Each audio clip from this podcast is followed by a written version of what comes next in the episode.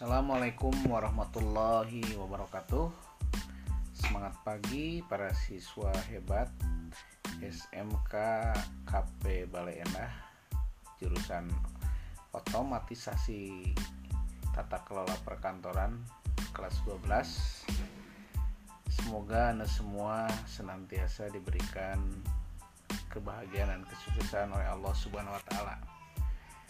Baik anak-anakku sekalian, hari ini Bapak akan coba menjelaskan uh, materi pembakalan untuk praktek menjadi MC yaitu kompetensi kompetensi dasar 15 di mana Anda salah satu keterampilan yang harus dimiliki oleh seorang siswa OTKP adalah bisa menjadi MC atau protokol di sebuah acara baik yang formal maupun informal di perusahaan.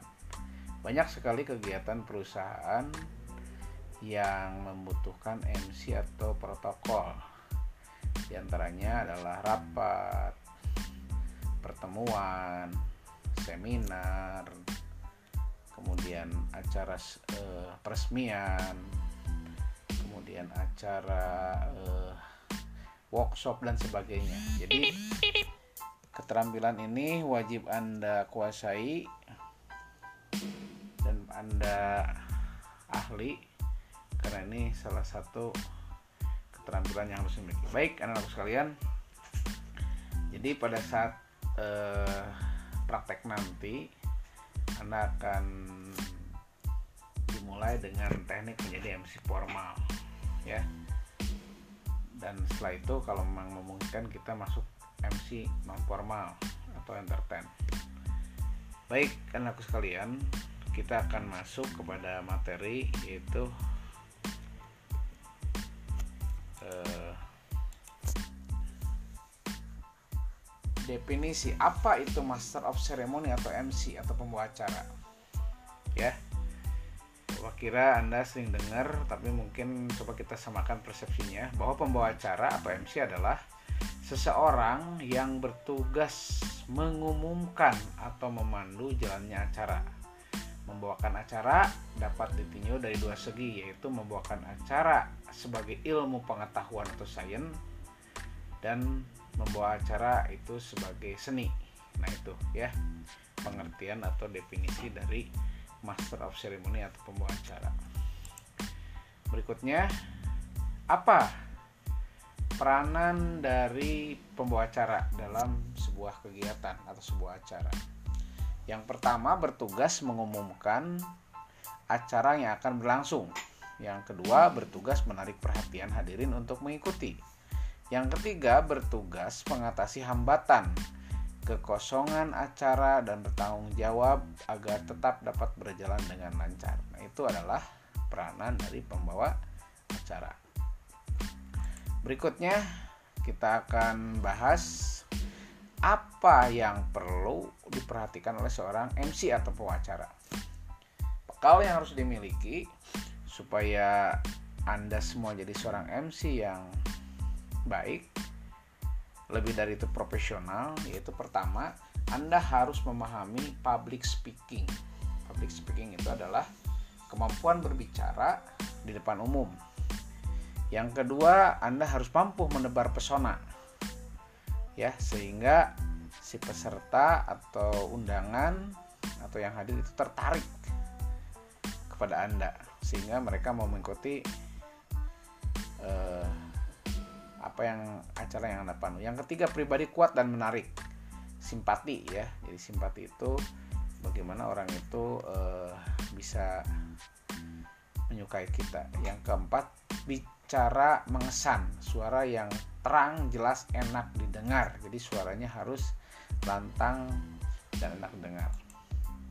Oke berikutnya apa syarat syarat teknis menjadi seorang MC ini terbagi menjadi enam bagian yaitu syarat teknis itu kemampuan yang harus dimiliki untuk menjadi seorang MC. Yang pertama, seorang MC itu harus menguasai acara. Yang kedua, bahasa yang baik dan benar. Yang ketiga, suara.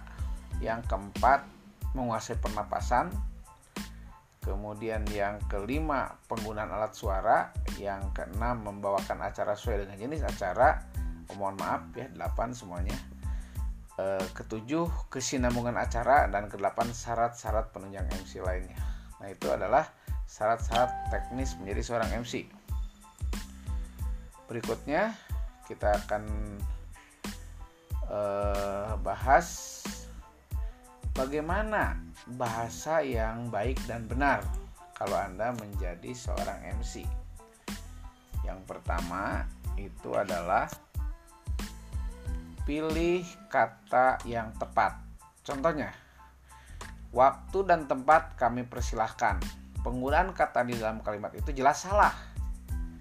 Yang dipersilahkan adalah seseorang bukan waktu dan tempat.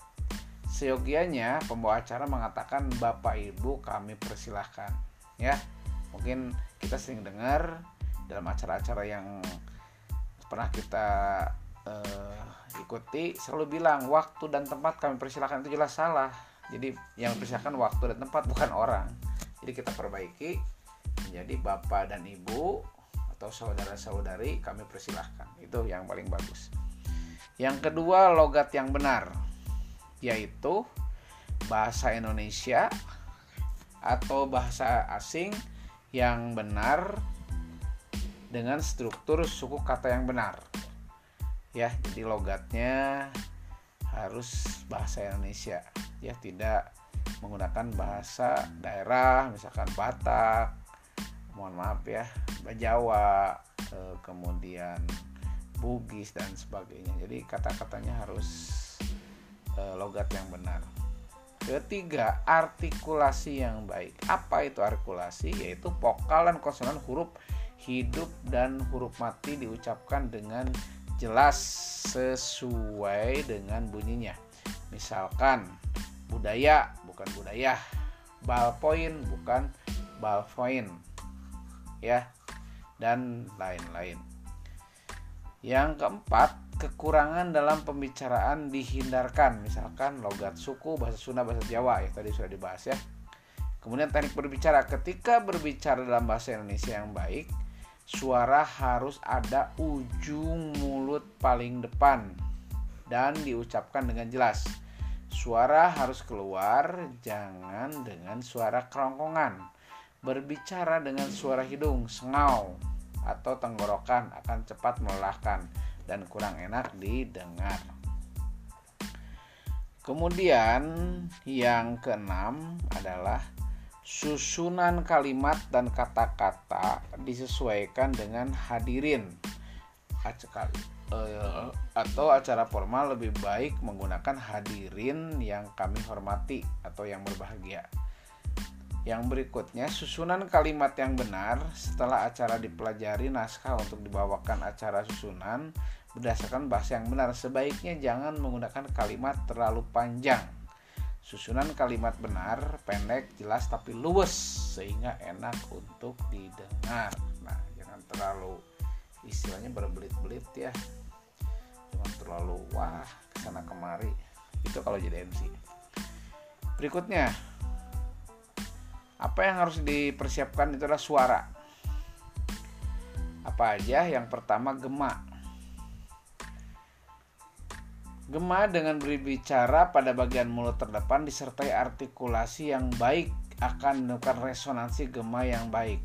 Untuk ini pembawa acara harus membiasakan dirinya sehari berbicara dengan lancar, teratur, terang dan jelas. Jadi gemanya harus enak ya kalau dalam bahasanya itu biasanya disebut dengan uh, suara apa uh, pitch control itu pitch alto mohon maaf. Kemudian tempo dinamika warna suara waktu berbicara harus diperhatikan. Tempo cepat lambat jangan berbicara terlalu cepat dan sebaliknya jangan terlalu lambat. Normal ya. Kemudian yang ketiga dinamik. Keras lembut suara tidak datar. Harus ada penekanan penekanan suara dengan isi kalimat yang penting disuarakan dengan keras dan tempo lambat. Sedangkan kurang penting dengan volume biasa. Yang berikut warna suara. itu harus gembira, sendu, harus diperhatikan oleh pembawa acara untuk dapat menyesuaikan dengan jenis acara yang dibawakan. Kalau acara hiburan ya harus gembira gitu ya. Kalau acara ya istilahnya memperingati suatu hal yang e, seremonial, sejarah itu harus sendu ya seperti itu. Baik. Berikutnya yang harus diperhatikan adalah dalam suara kita yaitu eh, ada 5 speed, volume, tone, power dan napas. Apa itu speed? Adalah standar kecepatan suara harus menyesuaikan dengan situasi dan kondisi. Volume adalah suara yang dihasilkan harus bulat. Tone yaitu tinggi rendahnya suara agar audien tidak merasa bosan selama acara berlangsung. Power merupakan kekuatan suara yang dihasilkan harus tepat sesuai dengan pemakaian kata. Napas berbicara dengan napas perut karena suara yang dihasilkan lebih dalam power lebih kuat dan lebih terasa nikmat untuk didengar. Baik masih pernapasan. Apa yang harus dilakukan? Napas hendaknya teratur ya kemudian jadi atur jadi baca ini bisa dikendalikan dengan jangan bicara terlalu cepat ya sehingga napas ter yang kedua napas jangan terdengar. Jadi uh, hembusan napas kita jangan terdengar kemik fuh fuh gitu ya. Nah itu kurang baik ya. Napas jangan pula tanpa jelas dalam gerakan tubuh. Jadi jangan kelihatan paru-paru kita menarik napas dan mengeluarkannya. Jangan mendesah. Kalau napas tidak sampai berhentilah sejenak pada koma dan berhenti pada titik. Jadi jangan terus diucapkan kalau kita nggak kuat. Berhenti di koma atau titik. Dan gunakan menggunakan napas perut ya. Jangan napas uh, kerongkongan. Karena kalau napas kerongkongan nanti anda akan hasilnya parau nanti ya. Tapi kalau napas perut anda bicara satu hari pun pasti akan kuat ya. Nah uh, itu mungkin sebagai uh, materi sesi satu dulu ya. Kita bagi dua materi e, ke teknik dulu ya. Teknik yang e, kita yang kita miliki. Nah nanti sesi dua bapak akan jelaskan itu bagaimana dengan menggunakan alat ya. Baik anak sekalian mungkin itu e, penjelasan pembekalan untuk e, menjadi MC bapak kira ini memang belum cukup ya. Karena harus langsung latihan prakteknya. Tapi ini sebagai gambaran dasar yang mencakup masalah kemampuan yang harus kita persiapkan serta terutama pengaturan suara dan nafas baik Bapak kira itu dulu untuk sesi 1 kita nanti akan masuk di sesi 2 tentang menggunakan alat pengeras suara dan sebagainya. Terima kasih semoga pembekalan bagian satu ini bisa bermanfaat untuk Anda. Kalau ada pertanyaan silahkan Anda bisa uh, chat langsung di grup atau chat uh, di uh, aplikasi Edu Learning. Nanti Bapak akan jawab terhadap pertanyaan-pertanyaan yang sekiranya Anda tanyakan dan tidak mengerti di bagian satu ini. Terima kasih. Semoga dengan pembakalan ini yang singkat ini Anda bisa ada gambaran bagaimana menjadi uh, seorang MC atau pembawa acara yang baik. Bapak mohon maaf bila ada kekurangan itu semata kurang di Bapak dan kalau yang bagus itu semata Allah. Terima kasih. Sepertinya wabillahi taufiq walhidayah. Wassalamualaikum warahmatullahi wabarakatuh.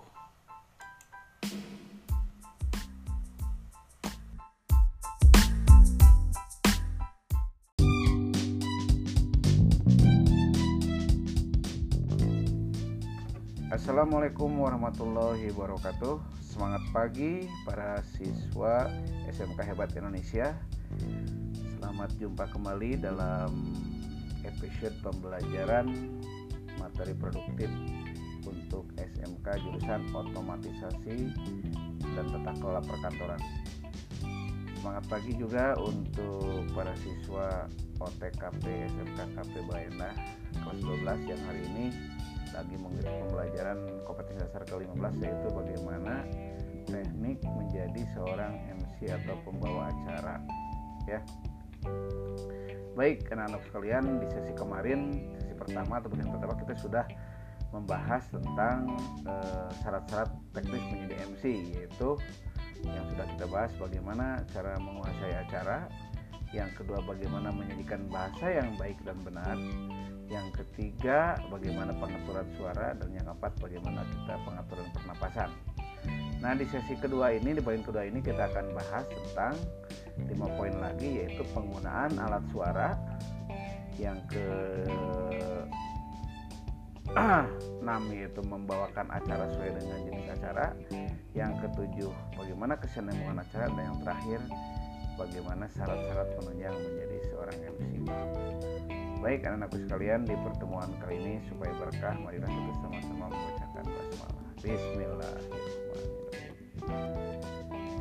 Oke baik anak-anakku sekalian sahabat-sahabat siswa-siswa yang hebat. Kemarin mungkin anda sudah menyimak materi bagian satu eh, mudah-mudahan dengan pembahasan itu dan pertanyaan yang anda ajukan sama saya bisa jelas tentang bagaimana di segmen satu. Nah di bagian dua ini kita masuk yaitu bagaimana seorang MC yang sukses atau yang baik itu tahap yang ke eh, lima itu adalah kita harus bisa menggunakan alat pengeras suara. Bagaimana cara yang efektif dan yang tepat dalam menggunakan pengeras suara? Yaitu yang pertama yang harus diperhatikan adalah jangan berbicara terlalu dekat dengan mic. Ya, pertama dari segi etika itu kurang baik, terutama kalau mic nempel itu sama mulut kita ya. Yang kedua itu akan menghasilkan suara yang kurang baik ya yang kedua yaitu jarak yang baik kurang lebih 10 20 cm ya dari mulut kita nih gitu. Itu jarak yang baik ya idealnya. Ya toleransinya 5 cm lah di 20 15 cm ya paling dekat ya. Karena kalau terlalu, dekat akan mengakibatkan ledakan sumber bahkan ada kemungkinan mic rusak gitu ya. Selain suara suara kurang baik juga bisa mengakibatkan mic uh, kurang eh, mic-nya rusak maaf. Untuk berikutnya yaitu jangan langsung berbicara ke dalam mic tetapi agak di samping atau di bawah atau di atas mic dengan cara demikian suara akan terdengar halus seperti tersaring. Ya seperti itu. Jadi jangan langsung berbicara ke dalam mic ya. Jadi agak menyamping gitu micnya agak di samping dulu. Sambil kita eh, mengecek output suara kita. Yang keempat itu adalah sebelum mulai membawakan acara hendaknya selalu mencoba mic terlebih dahulu ya dengan bantuan teknisi mengatur jarak yang tepat sesuai dengan volume suara pembawa acara dan juga kepekaan mic. Jadi tiap mic itu dengan berbagai jenis dan merek yang berbeda itu memiliki karakter atau kualitas yang berbeda. Sehingga sebelum anda mulai MC sebaiknya dicoba dulu gitu ya. Biasanya ya testing 1 2 3 ya Anda bisa coba dulu sampai suara Anda enak didengar dengan kerjasama dengan teknisi ya. Teknisi baik volume dan sebagainya ngatur treble gas eh, apa mohon maaf bass itu supaya enak didengar dulu. Yang ke yang terakhir dalam penggunaan alat ini adalah jangan berdiri di muka amplifier karena akan mengakibatkan adanya suara umpan balik jadi feedback ya. Nanti tweet disebut itu ya. Jadi jangan berbicara di muka amplifier. Sebaiknya anda dengan amplifier itu berbeda arah ya posisinya.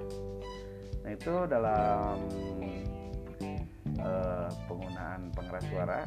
Oke saya uh, bapak kira mungkin bisa dipahami. Kalau nggak ada yang dipahami bila bisa bertanya ya dengan cara japri atau uh, sampaikan di grup WA. Yang berikutnya, yang keenam adalah yang harus kita perhatikan atau kita membawakan acara sesuai dengan jenis acara. Nah, jadi tiap acara itu berbeda cara membawakan tidak sama ya. Membawakan acara resmi tentunya lain dengan acara hiburan ya atau acara informal. Acara resmi dibawakan dengan kalimat singkat, tepat, jelas, dan penyelenggaranya ditandai dengan tata cara protokoler. Ya jadi dari suasana acara sejak awal sampai dengan akhir kalimat jadi ada protokolnya. Biasanya itu sudah tekstual ya sudah ada konsepnya. Anda tinggal membacakan kalau resmi itu ya. Jadi tidak banyak improvisasi tidak banyak berkata-kata yang lain ya. Jadi itu sudah dirancang dan dikonsep. Anda tinggal membawakannya ya. Itu adalah untuk acara cara membawakan acara dengan jenis. Nah, kalau acara uh, yang sifatnya informal atau entertain, nah itu boleh ya. Ini harus didukung oleh kemampuan Anda improvisasi karena acara tersebut harus dibawakan secara menarik dan meriah ya. Jadi beda ya. Sekali lagi kalau acara seperti itu uh, berbeda ya. Jadi itu sudah uh, ditentukan dan teksnya pun sudah dibuat jadi sehingga tinggal membacakan saja. Berikutnya yang kita bahas ya poin ketujuh adalah kesinambungan acara. Apa itu kesinambungan? Yaitu eh, seorang pembawa acara harus dapat mencari jalan keluar apabila terjadi kemacetan atau kekosongan acara. Ya misalkan pada saat acara dimulai pembicara ternyata belum hadir ya seperti itu. Uh, kemudian uh, membawa acara di sini dituntut punya kemampuan yang sangat luas untuk melanjutkan acara ya. Mengisi jangan sampai si peserta atau undangan yang hadir itu merasa bosan ya atau merasa jenuh melihat acara ini. Jadi anda harus kreatif lah di sini ya bisa anda men, e, memberikan sebuah review dulu atau sapaan-sapaan ya kepada para peserta yang hadir ya. Seperti itu. Bisa menjalin kedekatan dulu sehingga mereka tidak merasa jenuh atau bosan untuk menunggu. Ya. Berikutnya eh, apalagi yang terakhir yang harus kita kuasai adalah syarat-syarat penunjang MC syarat-syarat penunjang MC yang harus dimiliki oleh Anda ya. Ini adalah menyangkut masalah uh, attitude sikap atau karakter atau disebutnya itu soft skill ya. Yang pertama tadi ada hard skill ya. Hard skill itu menyangkut masalah keterampilan teknis. Nah sekarang yang penekatan yang kedelapan itu adalah syarat yang menunjang itu syarat soft skillnya ya Oke, jadi yang pertama eh, syarat penunjang seorang MC itu yaitu harus memiliki wajah yang ramah, bersemangat, human relation dan sikap wajar. Ya, wajah ramah mungkin ngerti ya. Jadi anda bersahabat, kemudian semangat, ya. Karena kalau antusias, peserta pun akan merasa bersemangat. Human relation, jadi bisa menjalin hubungan dengan uh, peserta. Sikap wajar sikapnya tidak overacting di sini ya. Berikutnya yang kedua yaitu percaya diri penampilan baik uh, dalam berbusana sesuai konsep acara yang harus diperhatikan etika dan etis pakaian. Jadi harus percaya diri pakaiannya harus uh, yang baik yang sesuai dengan tema acara ya. Kalau tema acara resmi misalkan acara tentang apa syukuran itu berarti enak bajunya yang ya apa uh, sopan ya, dan menarik. Kemudian acara uh, misalkan keagamaan berarti berjilbab ya seperti itu. Kalau acara kantor formal anda pakai blazer. Nah itu yang maksud dengan uh, penampilan yang baik busana yang tepat. Berikutnya yang ketiga itu kreatif penuh ide menghindari faktor yang dapat menyebabkan kegagalan suara kurang jelas mic sensitif dan tiba-tiba atau off ya. Jadi sini harus kreatif ide bagaimana caranya menghindari faktor-faktor tadi. Yang berikutnya menepati waktu ya. Dan tidak menyakiti hati hadirin. Penguasaan emosi tidak salah dalam menyebutkan nama gelar dan sebagainya. Nah ini tadi pentingnya tepat waktu. Artinya tidak molor acaranya. Efektif sesuai dengan jadwal kedua. Ya hati-hati dalam berkata-kata ya. Jangan ceplas-ceplos jangan mengakibatkan si nanti apa undangan itu merasa tersinggung penyebutan nama gelar itu tolong diperhatikan dulu. Jangan saya pas sebutkan uh, salah ya. Salah menyebutkan gelar gitu ya seperti itu. Nah itu adalah uh, syarat penunjang yang harus anda kuasai untuk menjadi seorang MC. Nah, dalam pelaksanaan MC itu bagi anda-anda yang belum terbiasa itu biasanya ada hal-hal yang eh, kadang-kadang terjadi ya. Kalau belum menguasai uh, ilmu public speaking atau belum terbiasa berbicara depan yaitu biasanya grogi ya grogi. Nah bagaimana caranya? Strategi supaya anda pelaksanaan nanti menjadi MC itu tidak grogi. Nah ini harus uh, ada peribahasa mengatakan gagal persiapan sama dengan mempersiapkan kegagalan dan gag dan uh, gagal merencanakan sama kesuksesan sama dengan gagal mendapatkan kesuksesan. Jadi supaya sukses eh, sebagai MC harus sukses dalam persiapannya.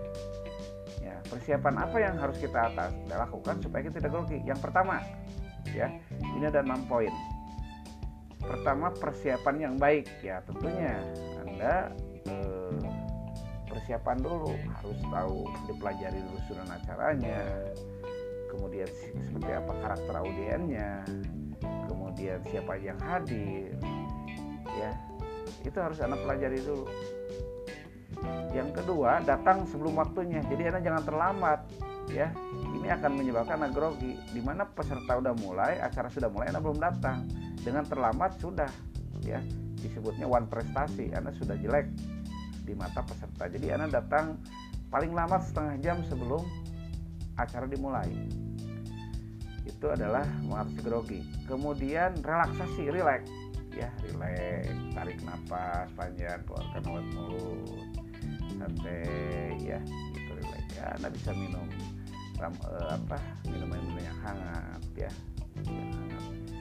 jahe supaya uh, apa namanya kondisi tubuh anda mental anda pikiran anda relax ya kemudian Bagaimana supaya tidak grogi? Langkah keempat adalah menyapa audien dan memberikan informasi.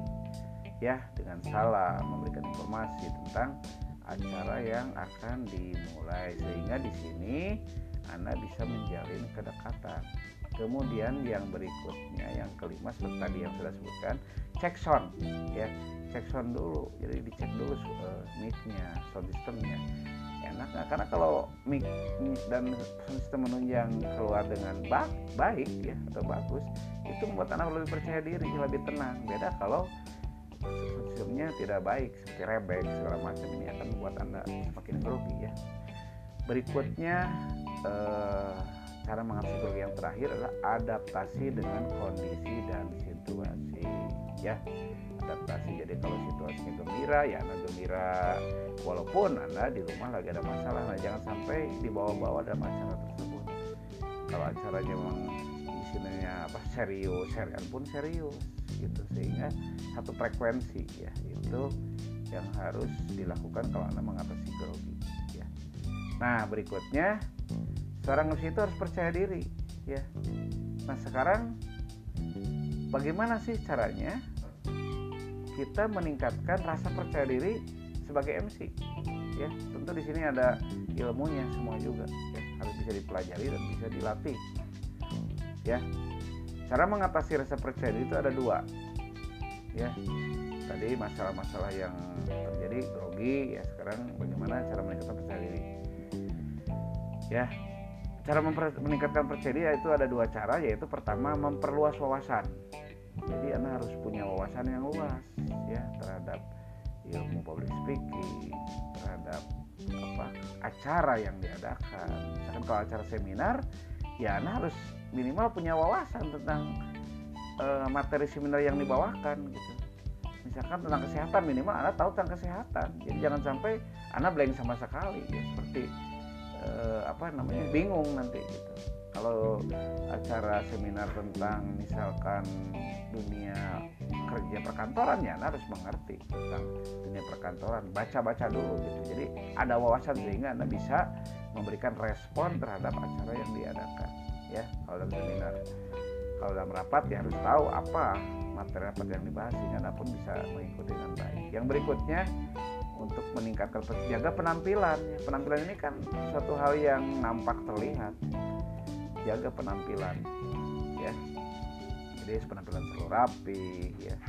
Kemudian uh, ya jangan sampai ada hal yang yang membuat orang lain jadi nggak enak dilihat gitu ya. Jadi harus eye catching gitu lihat nah itu cara mengatasi cara meningkatkan rasa percaya. Nah sekarang berikutnya adalah cara mengatasi rasa takut. Nah bagi anak-anak saya yakin lah yang belum belum pengalaman kan untuk mulai memulai sesuatu itu uh, ada suatu hal yang takut ya ah, takut sih takut salah takut uh, apa diketawakan. Takut apa saja. Nah kalau mengatasi rasa takut, takut ini yang paling baik itu ya dihadapi saja lah ya. Nanti juga uh, akan hilang sendiri. Nah bagaimana caranya untuk mengatasi rasa takut dalam menjadi MC yaitu ada empat cara ya. Yang pertama itu uh, pada saat mau menjadi MC yaitu biasa tarik nafas dalam-dalam keluarkan lewat mulut. Yang kedua itu tenang santai aja rileks tenang. Jadi eh, tenang sikap anda ya sehingga dengan tenang ya anda bisa berpikir dengan baik bisa berimprovisasi. Yang ketiga adalah tatap audien dengan melemparkan senyuman simpul. Nah jadi anda pandang seluruh audien dan anda tersenyum simpul ya. Mungkin anda ngerti senyum simpul ya. Yang tidak mengerti ya cobalah lihat di YouTube bagaimana senyum simpul. Ya jadi membuat uh, kedekatan dengan si audiens kemudian positive thinking berpikir positif ya. What do you think apa yang kau pikirkan yang dapatkan? Kalau positif ya nanti positif hasilnya. Jadi kalau negatif ya negatif. Jadi hindari berpikir negatif selama menjadi MC ya. Kalau ada audien yang ngetawain anda ya positif aja ya. Mungkin ya ada hal yang kita harus perbaiki. Jadi jangan jangan menyalahkan ya. Nah itu adalah eh, cara mengatasi rasa takut ya untuk menjadi MC ya. Oke. Eh, yang berikutnya Eh, kita harus perhatikan juga harus apa kuasai juga yaitu teknik berbicara. Ya bagaimana teknik berbicara seorang MC ya. Uh, ini memang ke, ke praktek ya kita ke praktek setelah anda tadi belajar tentang bagaimana persiapan mental dan persiapan menghadapi gangguan. Sekarang ke teknik ya. Ah, baik anak sekalian uh, mungkin sebelum kita membahas materi berikutnya ada beberapa sesi ya, beberapa poin lagi ya ke teknis pelaksanaan MC sendiri. Nah mungkin untuk sesi dua ini Bapak cukupkan sekian dulu ya supaya kita bisa tanya jawab dulu. Jadi tidak kita sudah bahas poin-poin yang uh, penting ya yaitu uh, tentang alat bagaimana acara sesuai dengan membuahkan sesuai dengan acara kesinambungan dan syarat-syarat MC nah itu ya.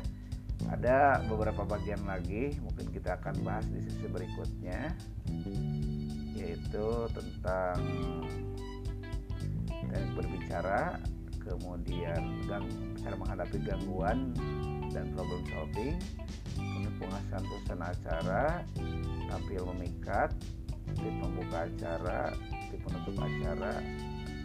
Nah itu mungkin uh, bagian ketiga ya untuk bagian kedua bapak kira cukupkan sekian ya. Karena supaya kita bisa diskusi dulu bisa membahas dulu tentang sesi kedua ini. Silahkan bagi anda siswa-siswa TKP SMK KP pelayanan yang hebat-hebat bagi yang tidak mengerti bagian kedua ini silahkan bisa bertanya ke Bapak melalui WA Group ya bisa via chatting kata-kata atau pakai voice direkam dan dikirim oke itu saja saya kira eh, di bagian dua ini. Semoga anda semuanya bisa mendapatkan gambaran tentang bagaimana cara menjadi MC untuk pelaksanaan praktek nanti di bulan Februari. Terima kasih ya bermanfaat. Gua mohon maaf bila ada kekurangan. Itu semata-mata kekurangan dari Bapak dan kalau ada baik semata karunia Allah SWT terima kasih. Salam sukses selalu. Assalamualaikum warahmatullahi wabarakatuh. Sampai ketemu di materi MC sesi ketiga. Salam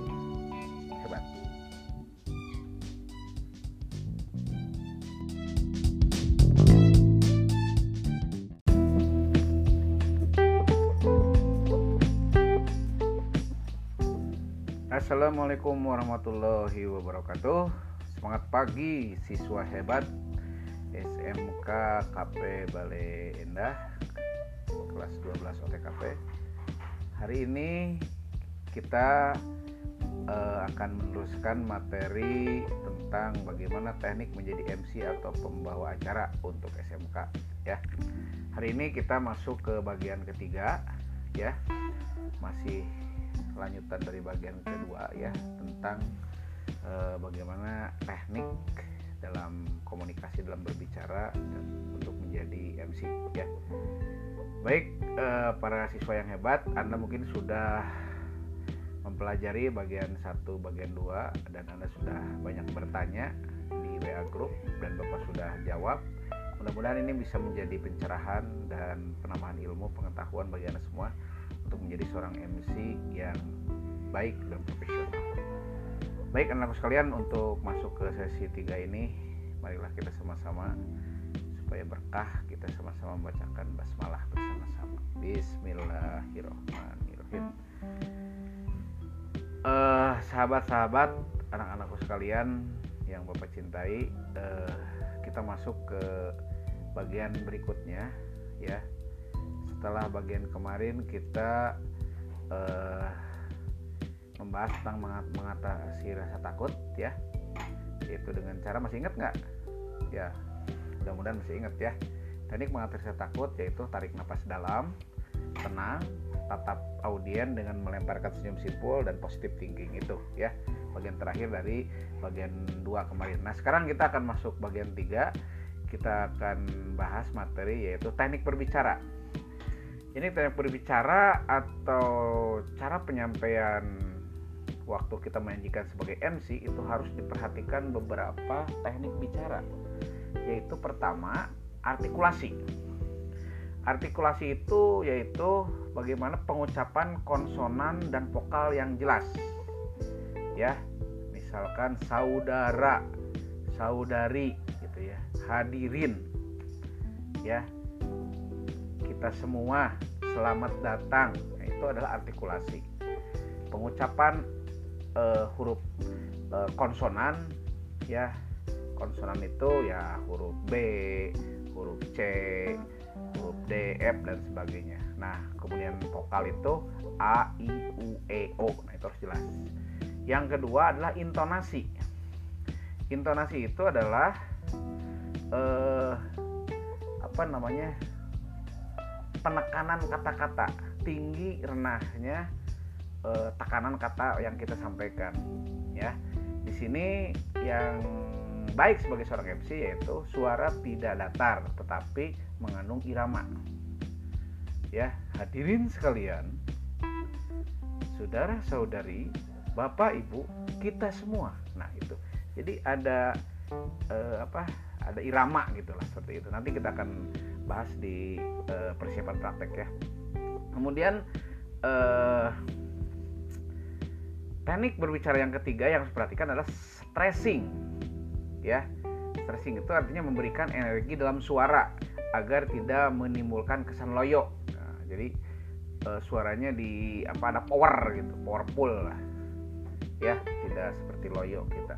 Ya, yang keempat yaitu impleksi Impleksi itu adalah lagu atau perumahan nada suara yaitu nanti biasanya berbicara tentang suara bass, suara pitch alto dan sebagainya ya. Nanti kita akan latihan sebelum mana praktek. Baik, bagian yang berikutnya ya, selain teknik kita akan biasanya dalam pelaksanaan MC itu akan menemukan gangguan ya. Gangguan. Nah, kita akan bahas bagaimana cara mengatasi atau gangguan dan problem solvingnya ya. Gangguan MC dan cara pemecahannya ya. Biasanya eh, gangguan ini terjadi dari eh, dua faktor yaitu faktor internal dan eksternal ya. Internal ini yaitu faktor dari diri kita sendiri ya. Yang pertama ini faktor internal yaitu dari diri kita sendiri. Kesalahan yang terjadi disebabkan diri sendiri jangan diingat lagi pada saat melanjutkan acara. Jadi hal ini akan membuyarkan konsentrasi. Jadi kalau anda melakukan kesalahan misalkan salah ucap kata gitu ya ya hadirin malah hadiran. Nah itu sudah lupakan saja. Jangan diingat-ingat karena itu akan berpengaruh kepada mental dan mood anda pada saat meneruskan acara gitu. Jadi udah forget it lupakan. Kalau ada salah kata bilang aja mohon maaf. Nah udah lupa gitu itu. Yang kedua yaitu faktor dari eksternal. Yang pertama itu dari audien. Audien itu ya peserta hadir yang hadir. Bila audien terasa bising, terlihat bising dan sebagainya, sebaiknya MC tetap bersikap tenang dan diam ya cara mengatasinya. Sejak eh, dan diam sambil menatap audien dengan senyum. Jadi kalau audien ribut, wah, wah, wah, wah, anda tenang saja, tatap audien dan tersenyum. Saya yakin audien akan berdiri, akan apa?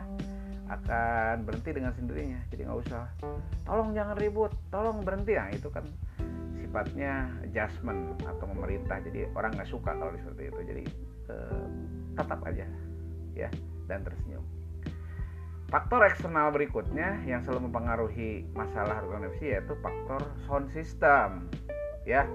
Kesalahan yang disebabkan oleh alat seperti sound system tidak jelas mic tiba-tiba mati jangan dijadikan beban. Tetap lanjutkan acara dengan tenang dan tambah power suara. Jadi tingkatkan suara anda. Kalau kalau apa si speakernya pelan ya anda tambah suara tambah power supaya lebih kedengaran. Jadi hmm. harus kreatif lah seperti itu nah gangguan berikutnya yaitu perubahan acara tiba-tiba ya nah bagaimana cara menanggulanginya bila ada ganggu eh, perubahan acara tiba-tiba tadinya mungkin yang sambutan si A jadi si B yang tadinya waktunya jam sekian jadi mundur nah ini cara penanggulangannya bila terjadi perubahan acara MC cepat tanggap dan tetap tenang dalam memandu acara. Tenang saja gitu ya. Karena di sini dituntut mental yang uh, tenang dan profesional. Nah, itu adalah gangguan yang uh, terjadi pada saat nge-MC dan cara mengatasinya ya. Berikutnya uh, bagaimana penguasaan suasana acara? Ya penguasaan suasana pada acara. Jadi bagaimana penguasaan supaya acara itu tetap terkendali ya. Seperti itu ya. Tetap siap 86 gitu. Nah yang pertama langkah-langkahnya yaitu melang, eh, tahapan NAT penguasaannya itu melangkah dengan tenang dan yakin. Jadi pada saat anda masuk untuk menjadi MC langkahnya tenang dan meyakinkan. Kemudian yang kedua ekspresi wajah yang baik. Jadi tersenyum ya. Tidak bete tidak cemerut ya. Kemudian cari tempat berdiri yang tepat. Dapat dilihat semua orang. Tidak di tengah-tengah ya biasanya agak sebelah kiri atau kanan ya lihat situasinya. E, di mana orang itu bisa enak lihat nah itu. Kemudian berbicara eh, berdiri tegak jangan membungkuk bersandar pada dinding atau meja. Jadi berdirinya tegak. Hindari bersandar pada dinding atau meja. Berikutnya berbicara dengan suara yang cukup jelas. Tidak terlalu cepat lambat jangan menolong tetapi dia jangan monolog ya mohon maaf. Tapi dialog monolog teh ya satu arah anu ngomong terus tapi dialog seperti anu ngajak ngobrol kepada para peserta ya. Gimana bapak ibu sekalian kabar hari ini? Nah itu seperti itu. Hadirin yang berbahagia apa kabar? Nah itu. Gunakan intonasi suara yang sesuai. Nah itu ya jadi sesuai berikutnya mulai acara terlebih dahulu memberi salam dengan tulus dan sungguh-sungguh. Nah itu adalah penguasaan suasana acara ya ada enam Oke, berikutnya bagaimana kita sebagai MC supaya bisa tampil memikat ya memukau gitu ya bahasa lainnya. Nah ada tiga tiga pendekatan yang harus kita lakukan. Yaitu yang pertama eye contact ya. Jadi pada saat MC selalu bertatap mata dengan audien jadi jangan lihat ke sana ke sini karena juga ke atas ke bawah. Memandang audien tapi seperti kipas angin gitu ya. Jadi tidak ke satu orang jadi anda melihat keseluruhan ya kipas angin. Pelan-pelan tapi nah diatur aja jangan seperti jadi tripping ya. Kemudian yang kedua opening touch. Pada saat audien belum siap untuk memulai acara MC dituntut memiliki kemampuan dalam mencairkan suasana dengan opening touch dengan berbentuk lelucon pertanyaan atau pertanyaan yang kontroversial. Ya kontroversial ini ya. Istilah yang menarik lah ya. Yang menarik eh, perhatian ya. Kemudian emotional contact. Nah untuk menciptakan suasana kebersamaan dan dialogis dengan dengan mengusahakan agar pembicara memiliki emosi yaitu melalui penegasan kata, pengulangan kata, menunda kata dan memperpanjang kata. Itu untuk emosional touch, emotional touch. Nanti kita akan praktekkan pada saat persiapan ya. Nah, itu adalah tip e, bagaimana sebagai MC supaya tampil memikat. Yang berikutnya ya kita uh, akan bahas tip bagaimana membuka acara pada saat kita menjadi MC ya. Nah, langkah-langkahnya ada tiga yaitu yang pertama berikan tanda dan salam ya. Ini biasa ya pada umumnya ya. Salam gitu ya mengucapkan salam berikan tanda dan salam. Kemudian yang utara yang kedua pada saat ngebuka utarakan tujuan acara. Jadi hadirin assalamualaikum warahmatullahi wabarakatuh. Nanti kan tulisnya utarakan acara. Terima kasih atas kehadirannya dalam acara pembukaan eh, kantor cabang PT ini nah seperti itu. Sampaikan ya. Kemudian yang ketiga bagaimana membuka improvisasi dalam mengemukakan acara dilangsungkan dengan acara pertama. Biasanya kan acara pertama itu e, pembacaan Al-Qur'an atau sambutan dari pimpinan segala macam. Nah, itu improvisasi. Jadi sedikit bisa berkata-kata yang e, apa menarik lah, profesional ya. Nah, itu adalah tip membuka acara. Nah, ada pembukaan, ada penutupan. Nah, bagaimana sekarang tip menutupnya. Ini mungkin bagian terakhir ya dari materi bagaimana anda bisa menjadi MC yang MC pembawa acara ini ya. Teknik menutup acara ada tiga. Teknik membuka tadi ada tiga ya. Teknik e, menutup pun ada tiga. Yaitu yang pertama tutuplah acara dengan antusias dan perkenalkan diri ya. Seperti itu. Jadi perkenalkan diri ini bisa di awal bisa di akhir ya. Begitu demikianlah para hadirin acara di acara sudah kita lalui. Uh, apa saya misalkan Maina Rahman sebagai pengundur acara. Nah, seperti itu ya. Uh, berundur diri. Nah, kemudian uh, yang kedua tipsnya itu stamina dan semangat tidak mengeluh. Jadi walaupun terakhir naik terus gitu ya jadi tetap bersemangat energi kelihatannya.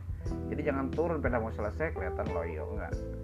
Dan yang ketiga teknik menutup acara yang baik adalah ucapkan maaf dan ucapkan terima kasih kepada semua pihak yang mendukung.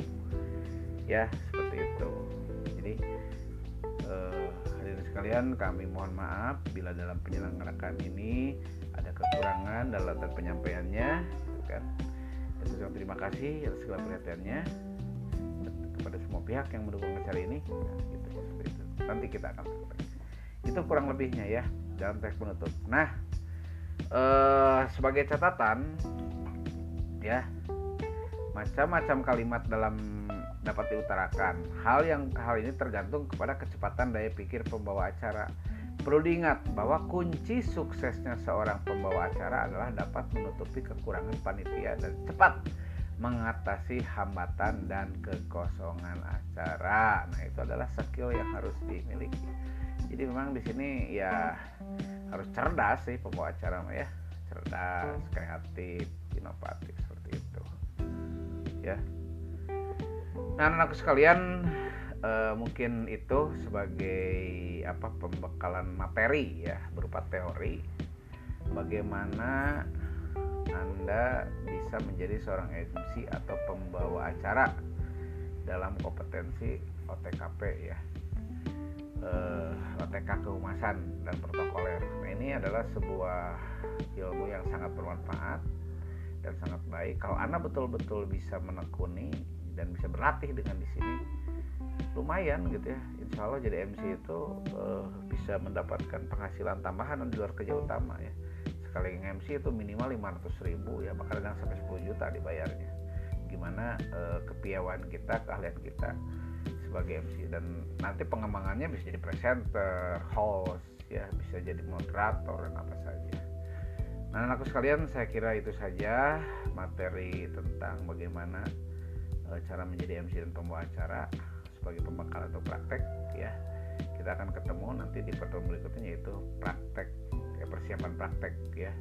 Untuk teknik penyampaiannya akan bapak kirim nanti contoh-contoh e, bagaimana e, membawakan MC dari awal sampai akhir. Itu saja. Semoga bermanfaat ya. Kalau ada pertanyaan sekali lagi silahkan anda e, kirim pesan di WA group ya. Eh, diketik boleh pakai suara boleh nanti bapak akan jawab langsung ya seperti itu. Kalau bisa di minggu ini ya karena minggu depan kita uh, sudah ke bapak kasih contoh-contoh dan awal bulan kita sudah mulai praktek. Itu aja dan aku sekalian yang bapak cintai bapak banggakan bapak harap dan kita kita kami semuanya sebagai guru bahwa kesuksesan kalian adalah hal yang terpenting bagi kami. Kebahagiaan kami kesuksesan kami dan melihat kalian berhasil meraih masa depan. Terima kasih. Uh, marilah kita sama-sama membacakan hamdalah. Alhamdulillahirabbil alamin terima kasih. Assalamualaikum warahmatullahi wabarakatuh.